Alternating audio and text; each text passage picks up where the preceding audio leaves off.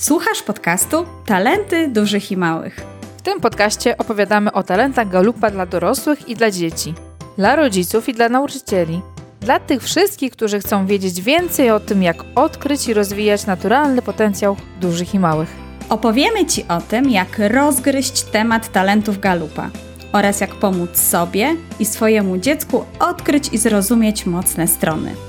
W podcaście znajdziesz również pomysły na swoje rodzicielstwo, na to, by było oparte o Twoje mocne strony. Przekażemy Ci też gotowe do wykorzystania wskazówki, narzędzia i rozwiązania. Będziemy o tym rozmawiać razem, czyli ja, Dominika Łysio I ja, Katarzyna Bieleniewicz. Witamy wszystkich serdecznie. Kolejny odcinek podcastu. Tym razem e, temat bardzo mocno na topie. Temat, który niezależnie w jakim jesteśmy wieku jest aktualny i temat, który mm, w tej sytuacji, w sytuacji kwarantanny, w sytuacji, kiedy jesteśmy troszeczkę zamrożeni, jest jeszcze bardziej aktualny, bo część osób poczuła, kurczę, nie wiem jak to robić, albo Orety, jakie to jest duże wyzwanie. Dzisiejszym tematem jest nauka. Nauka w szerokim kontekście. Cześć Dominika. Cześć Kasiu, witam bardzo serdecznie, witam naszych słuchaczy. Tak, no niewątpliwie dzisiaj będąc w domu z naszymi dzieciakami, nawet sami jak jesteśmy w domu, e, no uczymy się. Uczymy się albo z naszymi dziećmi, albo sami się musimy pewno teraz czegoś nowego nauczyć. Więc dzisiaj właśnie taki temat e, w naszym odcinku.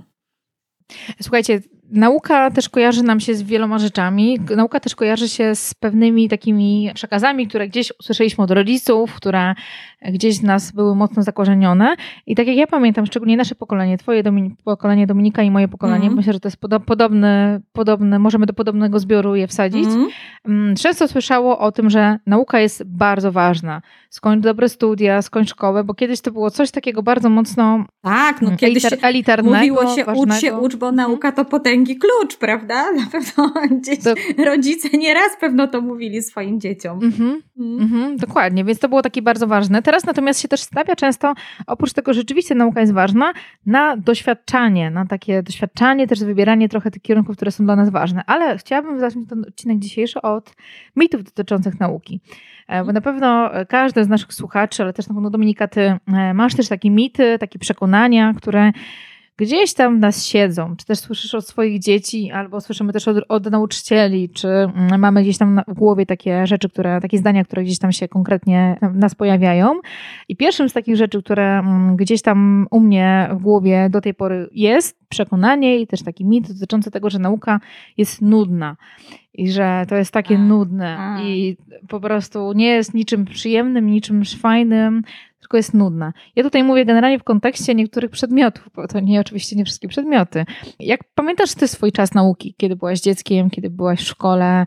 E, pamiętasz takie momenty, kiedy wiem, rzeczywiście się nudziłaś, nad, e, nudziłaś w szkole, kiedy orety, te lekcje tak płynęły wolno i się ciągnęły strasznie?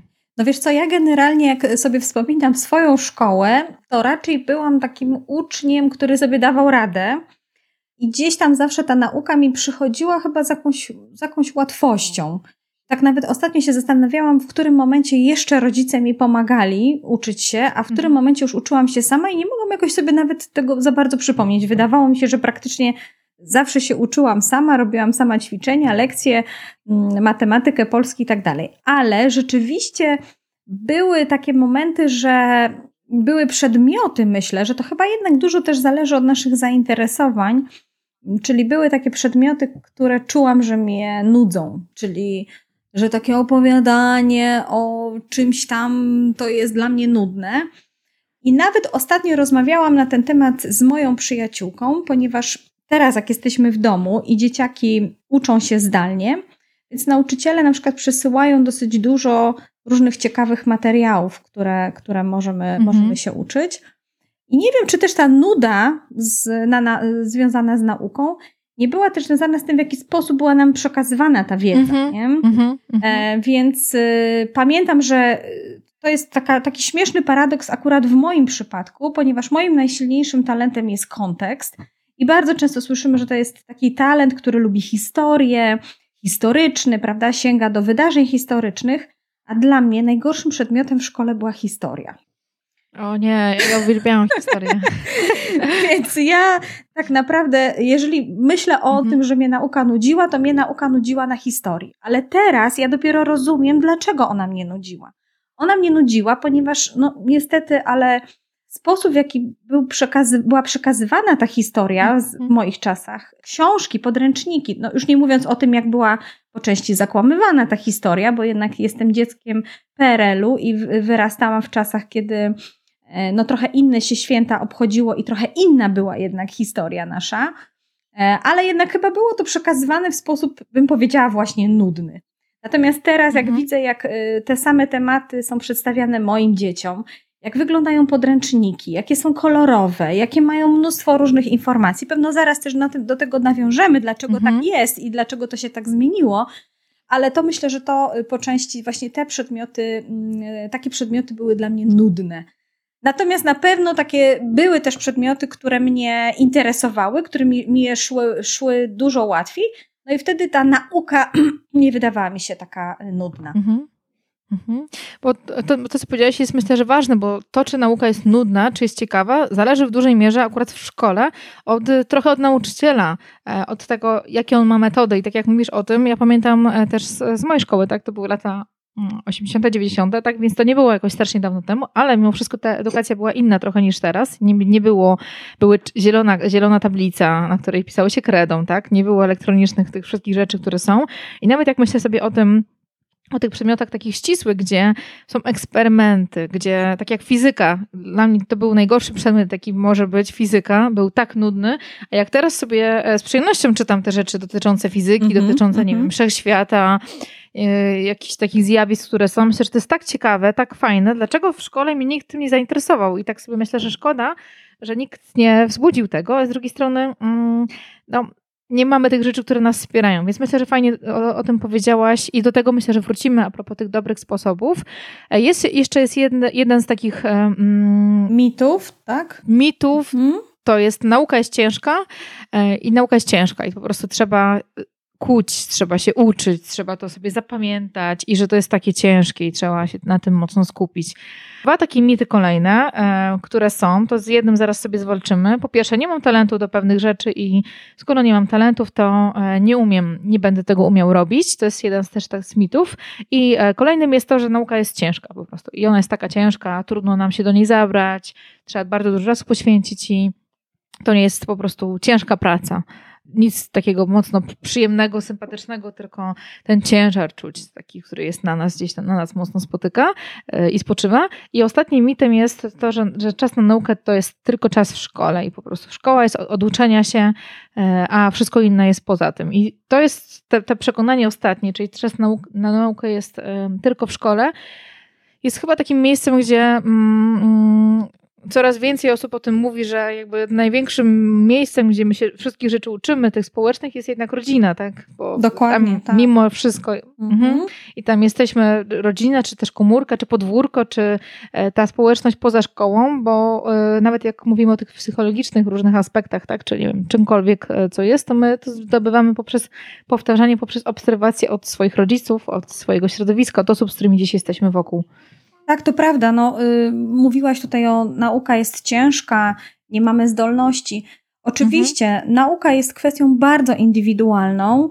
Y, to też powiedzmy sobie, nauka, czyli jakby jakiś pewien sposób przyswajania wiedzy, bo to chyba to mamy tak mhm. tak naprawdę na, y, na myśli. I patrzymy tutaj mhm. jakby z perspektywy osoby, która jest um, właśnie w procesie uczenia się, młodej osoby, bo jeszcze też powiemy mhm. oczywiście o tym, czy nauka się kończy tylko na szkole, Mhm. E, chociaż tutaj mówiłeś, że jest taki mit, że nauka się, nauka to jest tylko czas w szkole, ale ja się z tym absolutnie nie zgadzam. Nauka jest cały czas i przez całe życie. Może jeszcze o tym później troszeczkę więcej powiemy.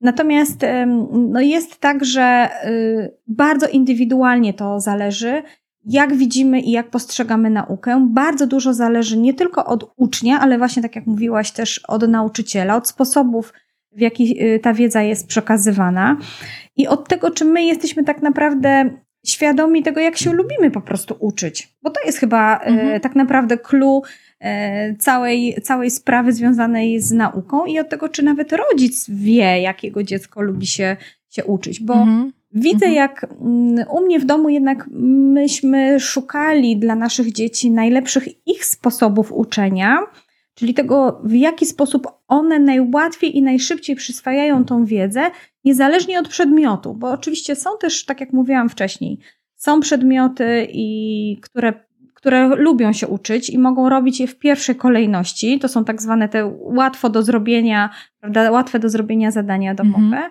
No ale są też przedmioty, których niestety, które no, nie przychodzą im tak łatwo, ale też zawsze im mówię, tak jak dorośli chodzą do pracy, tak taką pracą dzieci jest w pewien sposób zdobycie właśnie tej, tej wiedzy, tej, czyli nauka tak naprawdę, prawda? Więc niezależnie mhm. od tego, czy, czy im się ten przedmiot podoba, czy nie, no on no w jakiś sposób musi być, jeżeli jesteśmy w normalnym systemie szkolnym, czyli w takim standardowym, no ten przedmiot musi być w jakiś sposób zaliczony, żeby dziecko mogło pójść do następnej klasy. Pod kątem zainteresowania wiedzieliśmy, że na przykład pewne przedmioty nie są w kręgu zainteresowania moich dzieci, nie, nie mają jakiejś takiej frajdy z nauki ich. No ale szukaliśmy właśnie tych sposobów, czyli żeby ta nauka nie była ciężka, czyli żeby obalić ten mit, żeby sobie powiedzieć, że nie mam talentu do nauki, właśnie żeby obalić też ten mit. Szukaliśmy tych najlepszych sposobów e, na to, jak się oni mogą, mogą uczyć i myślę, że je, e, że je znaleźliśmy. I rozumiem, że dzisiaj mhm. troszkę też chyba o tym tak, tak, tak. Dzisiaj będziemy głównie o tym mówić, czyli różne sposoby, w jaki sposób możemy się uczyć, i my powiemy głównie o takich dwóch E, najważniejszych, inne też gdzieś wymienimy, ale te dwa najważniejsze, jeden Dominika, drugi ja, które widzimy, że są jedną z dobrych strategii dla e, pewnego typu osób, tak? które, które, które mogą to one, one pomagać, bo e, tak jak z talentami Galupa, czy też z talentami, czy z naszymi sposobami działania, co jest dobre dla jednej osoby, nie musi być dobre dla drugiej osoby.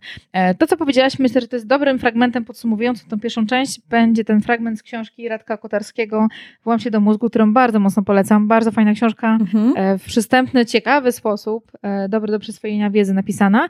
Nie trzeba być wybitnie uzdolnionym, aby uczyć się skutecznie i używać nowoczesnych sposobów nauki. To jest coś pocieszającego. Każdy ma talenty, każdy ma swoje sposoby i poszukajcie tych swoich i możecie sobie wybrać jakiś z tych, które my proponujemy, ale coś takiego, co będzie dla Was jakby ważne. Warto zadać sobie pierwsze pytanie. Jako pierwszym takim punktem e, dobrym do tego byłoby, Powiedzenie, odpowiedzenie sobie na pytanie, dlaczego warto się uczyć, dlaczego ja chcę się uczyć, jaki jest mój powód, dla którego chcę się uczyć, po co mam to robić, um, dlaczego to jest dla mnie ważne. Jeżeli myślę o uczniach, no to odpowiedź jest jasna, bo muszę E, rodzice mi każą czasami, e, bo muszę mm, zrobić pewne rzeczy w szkole, tak? I to jest coś, co po prostu muszę zrobić, czy jakaś pewna forma obowiązku edukacyjnego. Natomiast jakie jeszcze mogą być inne powody, dlaczego my się chcemy uczyć? Jak myślisz o swoich dzieciach, ale też o dzieciach, którymi współpracujesz, jakie one mają powody do tego, dlaczego chcą się uczyć? No wiesz, tutaj się śmieję troszeczkę z tego, co powiedziałaś, mhm no najłatwiej jest powiedzieć z punktu widzenia oczywiście osoby dorosłej, bo tutaj jakby teraz mm, mhm. E, możemy na to popatrzeć, odpowiedzi szukać na to pytanie z punktu widzenia osoby dorosłej i z punktu widzenia dziecka.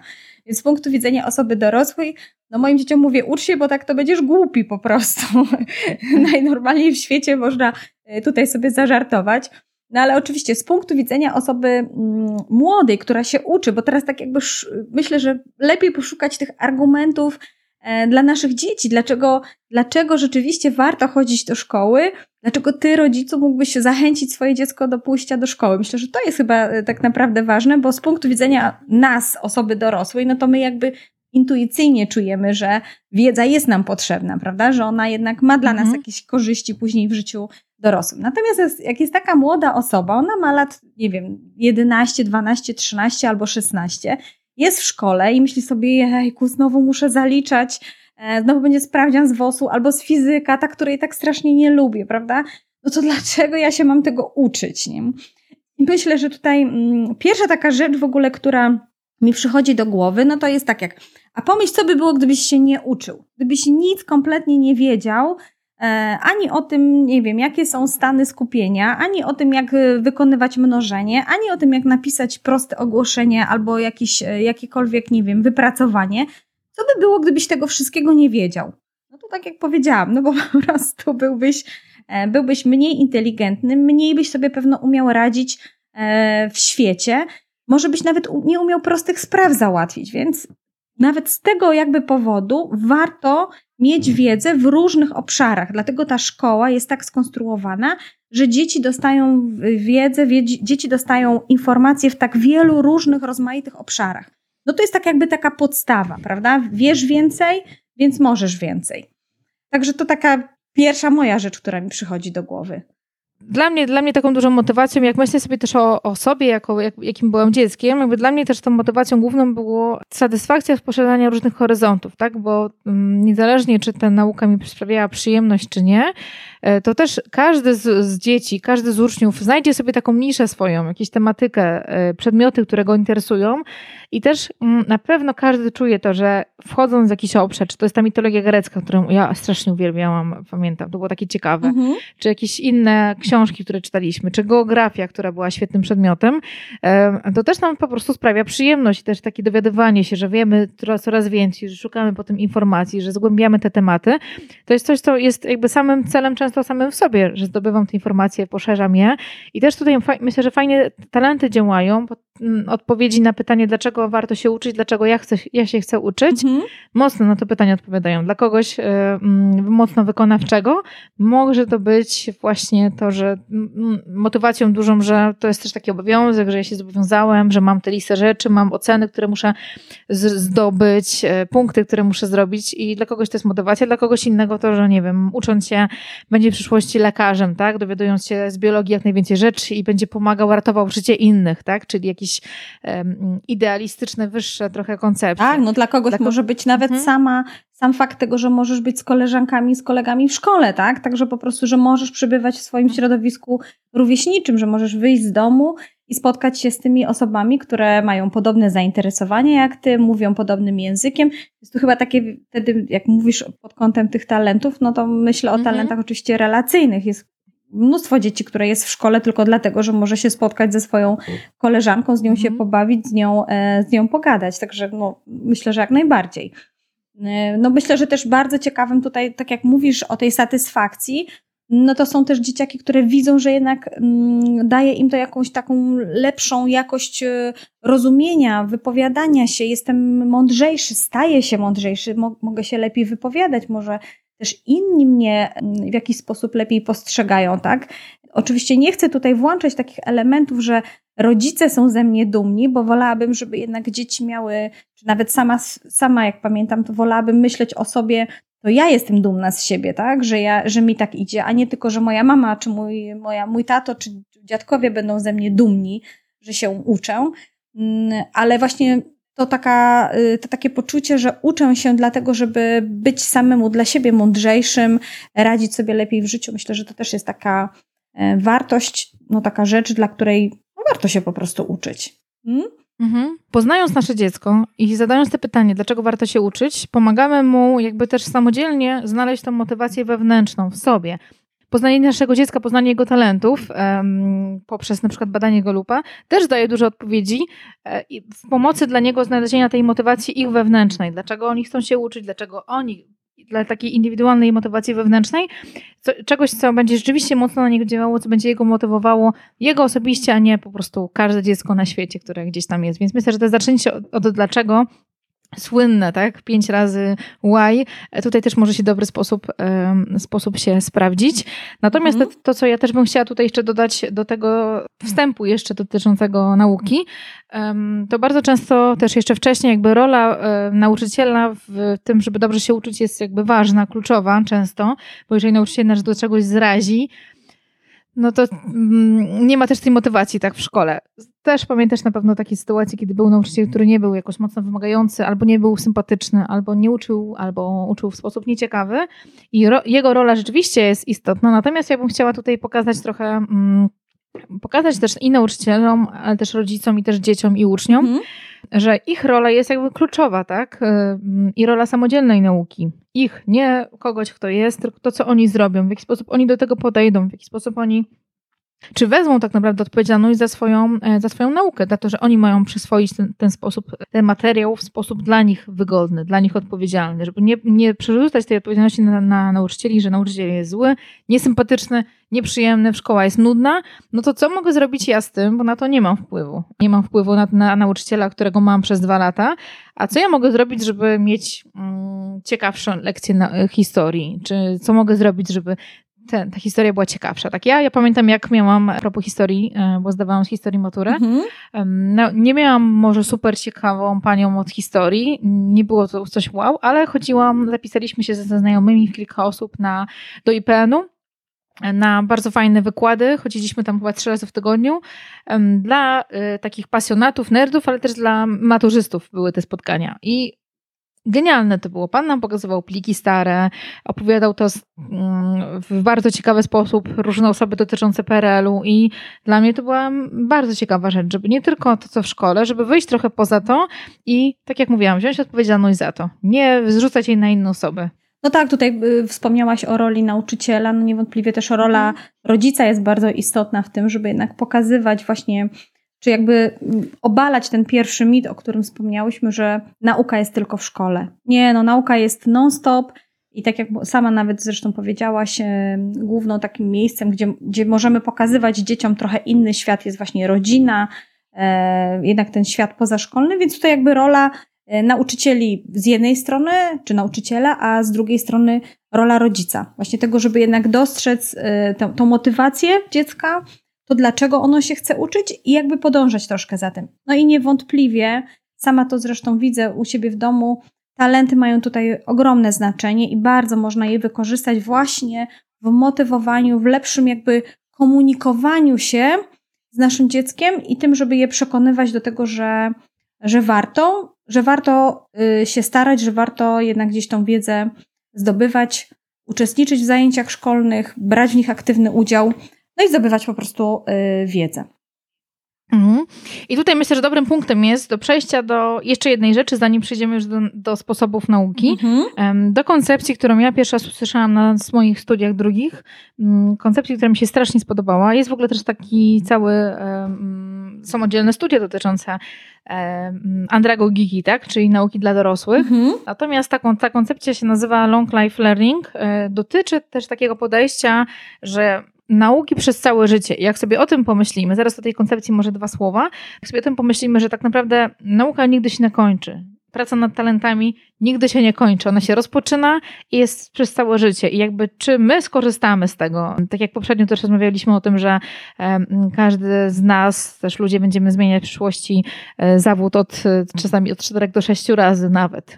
zawód, nie pracę. Mhm. E, że też musimy mieć tą elastyczność w sobie mm, i zadbać o nasz mózg też, jak w jaki sposób on działa, bo to też dobrze funkcjonuje potem w przyszłości, jak jesteśmy osobami starszymi, które e, no, są sprawne umysłowo, tak przede wszystkim. I to, to, to, to co jest ważne, ta koncepcja uczenia się przez całe życie myślę, że jest bardzo istotna i fajnym przykładem jej między innymi są też uniwersytety trzeciego wieku, tak? które, um, które super funkcjonują i tak jak ja myślę, że w każdym mieście e, taki uniwersytet gdzieś działa, gdzie, gdzie są blisko uczelnie. Tak, to ja myślę, że tutaj bym nawiązała do, takiej, do takiego w ogóle trendu, który się pojawił chyba teraz w XXI wieku, a jest zupełnie przeciwstawny do tego, co, w, jaki, w jaki sposób funkcjonowali nasi rodzice i nawet myślę, że po części też moje pokolenie, czy moi znajomi, hmm. e, kończąc studia, też żyli takim przekonaniem. To przekonanie było takie, że musisz zdobyć zawód, wyuczyć się dokładnie jakiegoś zawodu. Jak już go wyuczysz się, czyli masz już ten papier tego magistra, prawda, wychodzisz z uczelni,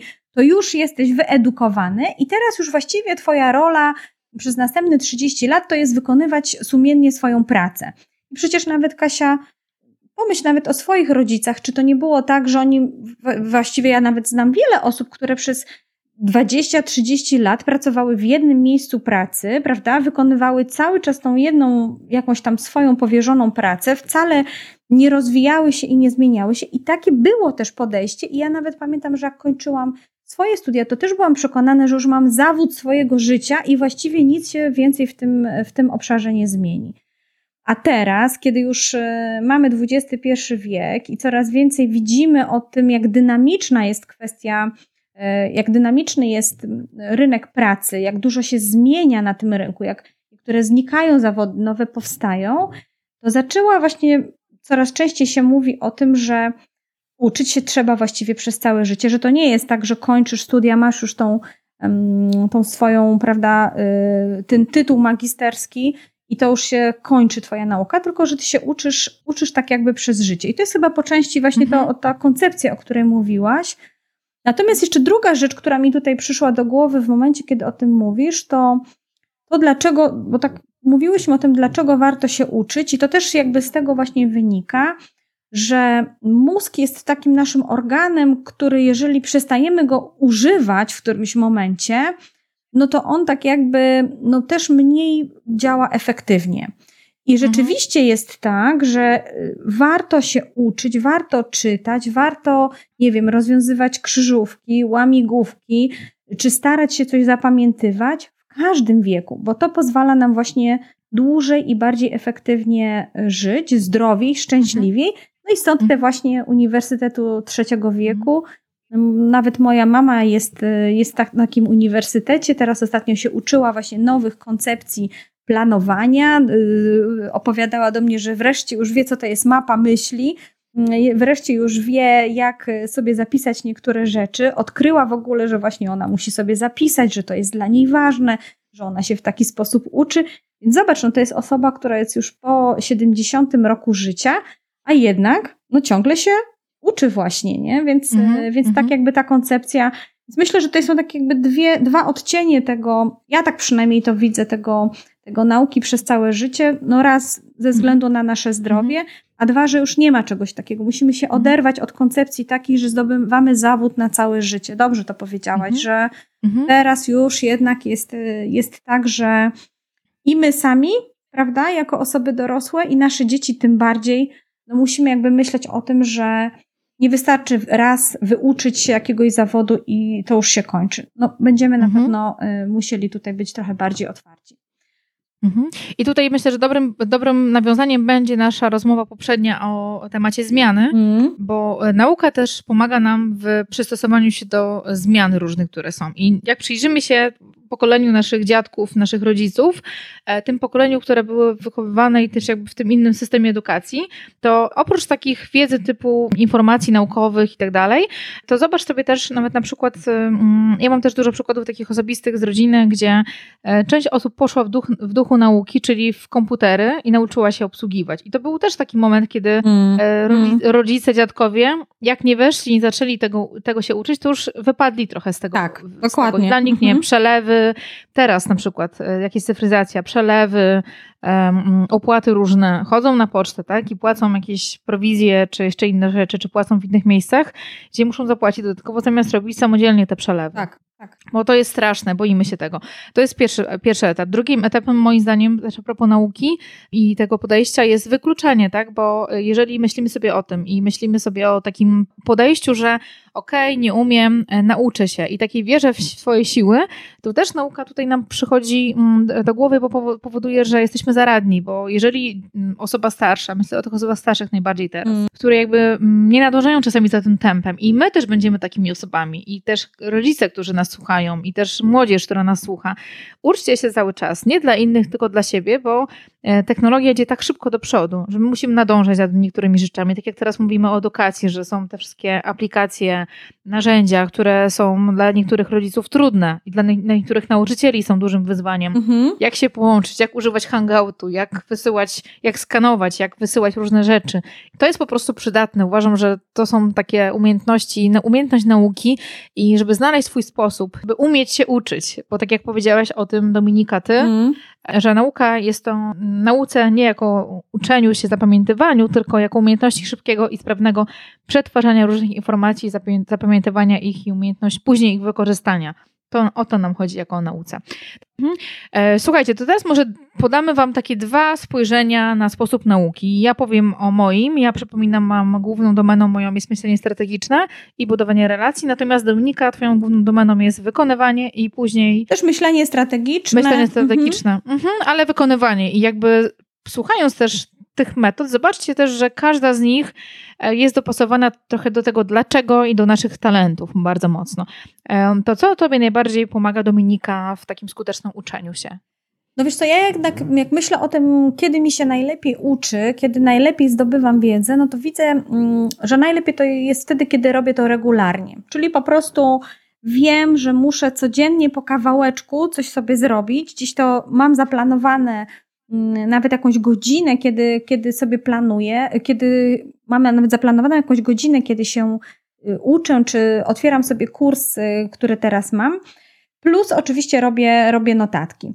No ale dlaczego akurat u mnie działa ta regularność? No regularno, regularność, bo jestem jakby cały czas na bieżąco, czyli nie ma tak, że ja uczyłam się czegoś w poniedziałek, potem siadam do tego w piątek i ja już właściwie nie pamiętam, co tam, mhm. E, co tam w ten poniedziałek sobie czytałam i co tam było, było ważne. Widzę też, że w moim wypadku, jak mam też talent osiąganie, prawda, czyli to jest właśnie talent w działaniu, mam gdzieś mhm. na liście codziennie po troszku, to jakby czuję się taka zadowolona. Widzę, że miałam coś zrobić, zrobiłam to, 10 minut czytania. Naprawdę mam, na, słuchajcie, na liście napisane, że codziennie muszę przez 10 minut czytać czy oglądać tam e, kurs, w którym teraz biorę udział online. Mhm. I tak mhm. rzeczywiście to robię. Poza tym, tak jak mówię, przyswajanie małymi łyżeczkami, czy jak ja to tutaj nawet sobie pomyślałam, jedzenie czegoś małymi łyżeczkami jest dużo łatwiejsze, niż jak masz usiąść raz, na przykład, nie wiem, na koniec tygodnia i wychłeptać cały, nie wiem, cały talerz dużej zupy, prawda? Łatwiej mhm. jest jednak gdzieś powolutku to sobie, to sobie przys przyswajać. No i to jest też chyba też trochę tak, że jeżeli ja uczę się codziennie, to gdzieś mój mózg później to, wiesz, przetwarza, zapamiętuje i ja już mogę łatwiej przyswajać sobie każdy kolejny e, kawałek wiedzy. Myślę, że to, to jest tak, takie widoczne jakby jednak e, u mnie i mm, wiem też, że przy, przy tym jak regularnie się uczę, przy tym jak nawet dzieciaki jak się regularnie uczą, to widzę które momenty są dla mnie trudne i co powinnam na przykład jeszcze raz powtórzyć, bo jednak mhm. mi to nie idzie, a co jednak idzie mi dużo łatwiej. I też to widzę, bo są rzeczy, które szybciej sobie gdzieś przyswajam. Raz przeczytam i już później praktycznie mogę je wdrożyć i, i praktykować. A są rzeczy, które, do których muszę wrócić jeszcze raz, bo na przykład są, nie wiem, mhm. bardzo techniczne albo trzeba opanować, e, nie wiem, e, przemyśleć trzy razy na przykład e, pewien proces, zanim go w ogóle będzie można zastosować. I muszę tak jakby, jak, czyli jak robię, regularnie się uczę, widzę, które rzeczy idą mi troszkę łatwiej i wtedy każdym kolejnym razem mogę szybciej jakby przejść nad danym tematem, a które potrzebują, potrzebują jednak troszkę, troszkę więcej czasu. No i też taka rzecz, która mm, przy, takiej, przy takim regularnym sposobie uczenia się, czyli jednak robisz coś każdego dnia, no to na bieżąco jakby widzę swoje, swoje postępy. No, wczoraj zrobiłam kolejny moduł, jestem już dalej, tak? No nie wiem, z powiedzmy z dziesięciu modułów, które mam przepracować, już jestem na trzecim, prawda? Czyli już widzę, że ten postęp w nauce e, jest. A myślę, że takie bieżące jakby obserwowanie tego, że idziemy do przodu, no, mnie motywuje do tego, żeby iść dalej, tak? No, nie, mhm. nie ma tak, że, tak jak mówię, na koniec bardzo często chyba też studentom się tak doradza, żeby jednak pracować przez cały rok, bo potem jak przychodzi sesja i ty musisz teraz powtórzyć materiał z czterech ostatnich miesięcy, no to jest chyba trochę wtedy ciężko, prawda? E, a jednak mhm. ci, którzy pracują regularnie, gdzieś po kawałeczku, po kawałeczku, no to, no to wtedy jest im, im pewno y, łatwiej.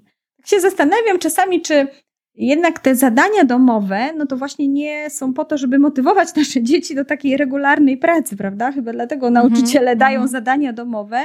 Wiem, że tak wiele, wielu rodziców mówi, nie, nie, nie ma sensu. Dzieci się powinny uczyć tylko w domu, już w szkole, w domu raczej już nie powinny nic robić. No ale właśnie te zadania domowe jednak chyba w pewien sposób przymuszają do tej regularności, tak? Bo ty jednak musisz wrócić do domu i wykonać znowu jakieś coś, powtórzyć jakieś ćwiczenie z tematu, który opanowałeś w szkole. Więc może tak jednak nie, nie do końca są złe te zadania e, domowe. Bo ja tak widzę, że jednak jak na bieżąco pracujemy, powtarzamy, uczymy się, to wtedy łatwiej jest nam później przyswoić ten, ten kawałek wiedzy. Mhm. A jak Kasiu to u mhm. ciebie wygląda? Czy ty masz też jakąś metodę, no bo tam wspomniałaś o swoich talentach myślenia strategicznego. E, to jest bardzo ciekawe e, właśnie jak ty łączysz swoje talenty z nauką i jak ty widzisz, że one ci pomagają. To może coś powiedz właśnie, jak to u ciebie mm -hmm. wygląda.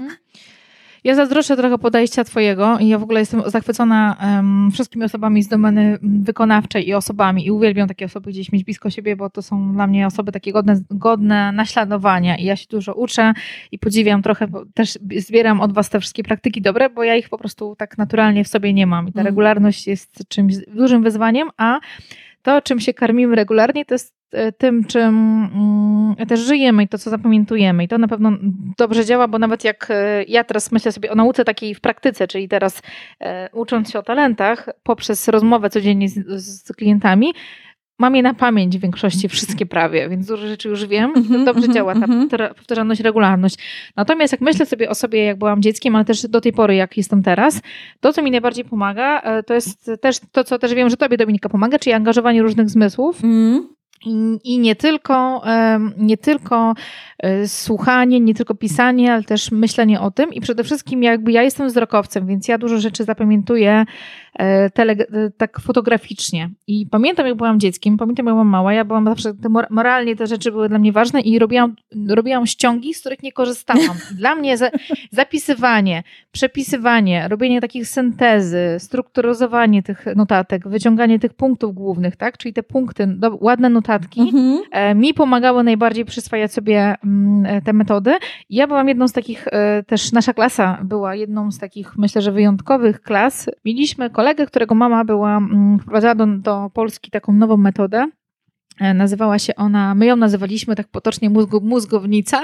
Jak byliśmy mały, mali, to były nowoczesne nauki, sposoby e, zapamiętywania. Mm -hmm. I tam nas między innymi uczyli mapy myśli, uczyli nas e, rymowanek, uczyli nas jak zapamiętać na zasadzie slajdy nam wyświetlali dotyczące nie wiem, alfabetu Morsa, żeby łączyć kilka różnych zmysłów, kilka różnych rzeczy, czyli tylko wzrok, ze słuchem, e, skojarzenia, czyli różne nowoczesne sposoby myślenia. Mhm. Ja do tej pory pamiętam alfabet Morsa, E, większość z tych rzeczy. O, to była podstawówka, a w ogóle nie używam tego zupełnie. Mhm. E, I taką rzeczą, która została mi do dziś, to są właśnie mapy myśli i opracowywanie przede wszystkim materiału, notatek na swój własny sposób i przepisywanie. I na mnie to bardzo mocno działa, bo ja lubię pisać. Kiedyś pisałam i opracowywałam sama sobie materiały, mhm. czy z książek przepisywałam, bo jestem z tego, z tego pokolenia, gdzie nie było internetu tak dostępnego mhm. i wypracowania się pisało z bibliotece w czytelni z książek. Więc no, no to było duże wyzwanie i mm, e, robienie ściąg to była moja jedna z metod dobrych, czyli robienie sobie tych mini ściąg, których w ogóle nie używałam, ale ja pamiętam, że na egzaminie jak byłam jakimś, widziałam na której z tych materiałów, gdzie ja coś mam. Tak, Pamiętałam, łatwo mm -hmm. było do tego mhm, wrócić. Mm -hmm. I e, takie praktyczne rzeczy myślę, że najważniejsze do tego, żeby dobrze się uczyć, wykorzystując między innymi e, różne formy mapy myśli czy zapisywanie, jest właśnie notowanie, zapisywanie głównych test, nagłówków, żeby to było wypunktowane, głównych wniosków, podsumowań, zaznaczanie różnych rzeczy kolorami ulubionymi, które gdzieś tam mamy, podkreślanie. E, teraz bardzo popularną rzeczą są notatki różne graficzne, wizualne, tak, żeby też nie tylko tak, mieć, mieć... prawda? Także tak, tak, tak, tak, to się pojawia jak najbardziej. Mhm. Mhm. I to powoduje, że gdzieś coś kojarzymy. Nawet jeżeli nie wiemy, to potem łatwiej nam jest, jak już zapamiętamy sobie jakiś e, mały element z tej notatki, skrecznotki, to potem możemy sobie na bazie tego, że pamiętamy, że okej, okay, przy tym e, i tym pojęciu było, był taki, taki obrazek, czyli aha, to pamiętam, że to może oznaczać to, więc łatwiej nam jest sobie coś skojarzyć i czasami nawet powymyślać, popłynąć i jak ktoś ma komunikatywność gdzieś wysoko, to może popłynąć w jakimś obszarze, temacie, e, ale to jest myślę, że dobre, bo takie dzielenie trochę tego materiału na główne rzeczy, na te najważniejsze, e, myślę, że jest ważne, dlatego że nauka mimo wszystko jest prosta. E, czy to jest historia wojny światowej, czy jeszcze jakichś innych obszarów, przyczyna, przebieg, skutki, tak? Najczęściej. To są takie trzy punkty. Tak. Ważne, I ważne postacie, tak. ważne bitwy. I to są takie elementy, które czasami są tymi e, głównymi e, punktami, od których są te szczegóły. E, I to myślę, że to jest bardzo, bardzo taka przydatna rzecz. Nauczenie się różnych sposobów pisania, notowania. Dla niektórych to jest słuch to jest słuch. No właśnie, tak, wiesz co, tak a propos tego, co mhm. mówisz, to pomyślałam, że nie chciałabym zostawić tutaj tak bez informacji też rodziców, którzy myślą sobie, ojejku, ale moje mhm. dziecko tak nie lubi robić notatek, pisze okropnie. E, no nie, no po prostu to, to, to w ogóle absolutnie nie ma, mhm. e, nie idzie w tym kierunku, jednak jemu nie pomagają mapy myśli, jemu nie, pomagają, nie pomaga robienie notatek. To jest jeszcze taki jeden sposób, którym, o którym chciałam powiedzieć. Teraz on mi przyszedł do głowy a y, wiem, że moje dzieci tego sposobu się uczyły. Nazywa się, różnie się on nazywa, ale ja go nazywam wiedza na łańcuchu. Y, I to jest taki sposób, kiedy do danej, do, do danej wiedzy, danego zakresu materiału, który musimy opanować, tworzy się pewnego rodzaju historię. Czyli opowiada się i jedna rzecz łączy się z jakąś poprzednią w tej naszej opowieści. Oczywiście są to elementy związane z tym, czego się mamy chociażby nauczyć. I to jest właśnie fajne dla osób, którym łatwiej jednak jest coś opowiadać, łatwiej jest ułożyć historię, którą będą mogły sobie opowiedzieć, a potem w głowie gdzieś odtwarzać. Mhm. I tylko tak jak mówię, elementy tej historii muszą być związane z rzeczami, które musimy się na przykład nauczyć. Yy, polecam bardzo poszukanie takich informacji, jak tworzyć opowieści w wiedzy, wiedzy na łańcuchu. Tak, to przynajmniej wiem, że gdzieś ta metoda yy, jest nazwana. Nie wiem, Kasia, czy ty gdzieś się, gdzieś się z nią spotkałaś, ale widzę, jak to mm, pomagało mojemu kiedyś synowi zapamiętać na przykład wszystkie sposoby, czy tam ortograficzne zasady. Dlaczego, na jakie literki musi się wymieniać chociażby rzecz z kropką w innych wyrazach, żeby, prawda, y, pisało się właśnie rzecz z kropką. I, i pamiętam, że tam utworzyliśmy taką właśnie historię, że szedł sobie pan Żet, który tam spotkał kogoś, prawda, i te wszystkie literki, tam te przygody, które się w tej historii wydarzały, y, były związane właśnie z tymi literami, które musiały się wymienić na rzecz z kropką, żeby w drugim wyrazie wymieniały się na te inne literki, żeby, żeby napisać rzecz, rzecz z kropką to to jest taki też sposób właśnie dla osób, dla których może notowanie, tworzenie map myśli nie jest takie proste, nie lubią mhm. czegoś takiego, a wolą jednak gdzieś używać może swojej wyobraźni, opowiadać. Właśnie wiem, że też są dzieciaki, mhm. które jednak są tak, e, mówiąc ogólnie, słuchowcami, czyli gdzieś łatwiej im się mhm. mówi, a też trzeba pamiętać, że jednak w trakcie, mm, w trakcie jakiejś, nie wiem, potem powtarzania, odtwarzanie tej historii w głowie trwa dużo szybciej niż oczywiście jej układanie i wtedy te najważniejsze elementy gdzieś tam się, gdzieś tam się pojawiają. Więc to taki jeszcze mi przyszedł y, tutaj mm, pomysł. Mm? Mhm. Mhm. To jeszcze myślę, że jednym dobrym, też o tym wspomniałaś wcześniej, mm. jest sposób, którego ja w ogóle nie lubię bardzo i mi zawsze to przeszkadzało. Nie umiałam, nie umiałam tak się uczyć, ale wiem, że na studiach też dużo osób i w szkole e, w ten sposób się uczyło, czyli też dla osób takich z talentami relacyjnymi może być dobrym sposobem, czyli nauka grupowa. Mm. Jak e, staliśmy nie wiem, w kolejce, na studiach najbardziej pamiętam, bo podstawówka to trochę inaczej działała, był jakiś egzamin ustny i ja zawsze gdzieś tam szłam z boku, bo mnie denerwowało, że ktoś coś gadał, mówił i ja potrzebowałam sobie sama pobyć z moimi notatkami, mi to, na mnie to lepiej działało, a też była grupa osób, gdzie oni w kółku siedzieli się przepytywali nawzajem i opowiadali sobie nawzajem. Tak, tak. I to był ich sposób działania. I też czasami, tak jak powiedzieć, opowiadaniem to do, dołączyła, że może wasze dzieci są takimi osobami, które lubią robić coś razem, wspólnie, e, z kimś się uczyć i dla nich to jest dobra strategia. Dokładnie, dokładnie. Także to zaczyn- wracam do tego, co powiedziałam na samym początku. Nauka może być naprawdę przyjemnością, ale musimy do niej podejść indywidualnie. Jako rodzice na mhm. pewno warto zaobserwować, w jaki sposób, jak, jak, jakie indywidualne podejście do nauki ma nasze dziecko, jaką indywidualną nie tylko motywację, ale właśnie jaki sposób, e, mhm. najlepiej, w jaki sposób najlepiej mu jest zapamiętywać, za, za przyswajać te wszystkie informacje, które mają, e, które są podawane i w szkole, i które możemy tak jakby tutaj również w domu wykorzystywać.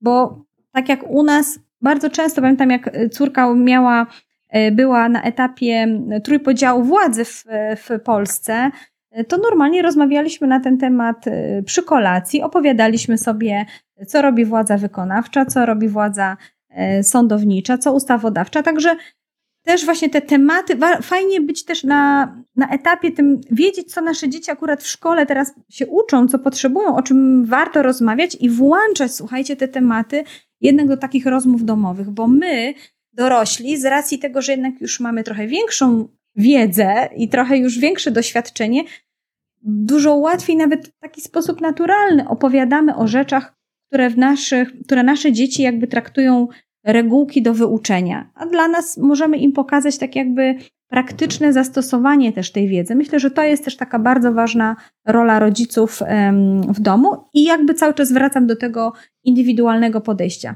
Wiem, że tutaj Mhm. oczywiście od razu mogą się podnieść głosy, że no tak, ale w szkole to nie ma tej indywidualnej, tego indywidualnego podejścia. No ale słuchajcie, no mm, dlatego cały czas podkreślam, jak ważna jest jednak rola, ro- rola rodziców, dostrzeżenie właśnie tych, e, tych cech dzieci, dostrzeżenie tego naturalnego potencjału i wspomaganiem, no po prostu wspomaganie szkoły, wspomaganie tego, co dostają, mm, jak tą, jak, jaką wiedzę dostają w szkole, a jak potem umieją ją zastosować w praktyce, zrozumieć, do czego ona w ogóle może im być przydatna e, w przyszłości. No, a tutaj myślę, że już nie, niewątpliwie jest taka właśnie rola, e, rola rodziny, ro, rola domu, no po prostu, żebyśmy nawet rozmawiali na, e, na ten temat. Ja natomiast polecam tą książkę Radka Kotarskiego Włam się do mózgu. Ona jest bardzo fajna, w prosty sposób napisana i w niej znajdziecie praktyczne zastosowanie metod naukowych, które pomagają e, nauczyć się i nam, i dzieciom. I od tego bym chyba wyszło, żeby najpierw zanim zaczniemy się uczyć, nauczyć się jak my powinniśmy się uczyć, żeby to było skuteczne i przyjemne dla nas też i sympatyczne. To tyle na dziś. Dziękujemy bardzo za, za to, że słuchaliście naszego kolejnego odcinka i zapraszamy na stronę Talenty Dużych i Małych. Pozdrowienia, pozdrawiamy. Dzięki. Dziękujemy, że byłeś z nami, dziękujemy za wysłuchanie tego odcinka. Jeżeli masz ochotę na więcej, chcesz się dowiedzieć więcej o tym, e, czym są talenty Galupa dla dużych i talenty Galupa dla małych, zapraszamy Ciebie na nasze strony tropicieletalentów.pl u Dominiki oraz do mnie katarzynabilieniewicz.pl. Zapraszamy Ciebie również do słuchania tego podcastu poprzez stronę internetową talentydużychimałych.pl. Tam są wszystkie najnowsze odcinki, też są linki do nas, e, notatki do tego podcastu. Znajdziesz nas również w Twojej ulubionej aplikacji do słuchania podcastów. Jeżeli słuchasz tego podcastu, jeżeli uważasz, że jest fajny, że Ci się podoba, jeżeli chcesz nas trochę zmotywować do działania, to zapraszamy Ciebie na iTunes. Tam też można dodać swój komentarz i zostawić swoje gwiazdki, które powodują, że nasz podcast jest widoczny, jest bardziej popularny. Można go łatwiej znaleźć w tym gąszczu mnóstwa innych podcastów, które są i będzie nam bardzo, bardzo, bardzo miło przeczytać kilka słów od Ciebie. Pozdrawiamy i do usłyszenia w kolejnym odcinku podcastu.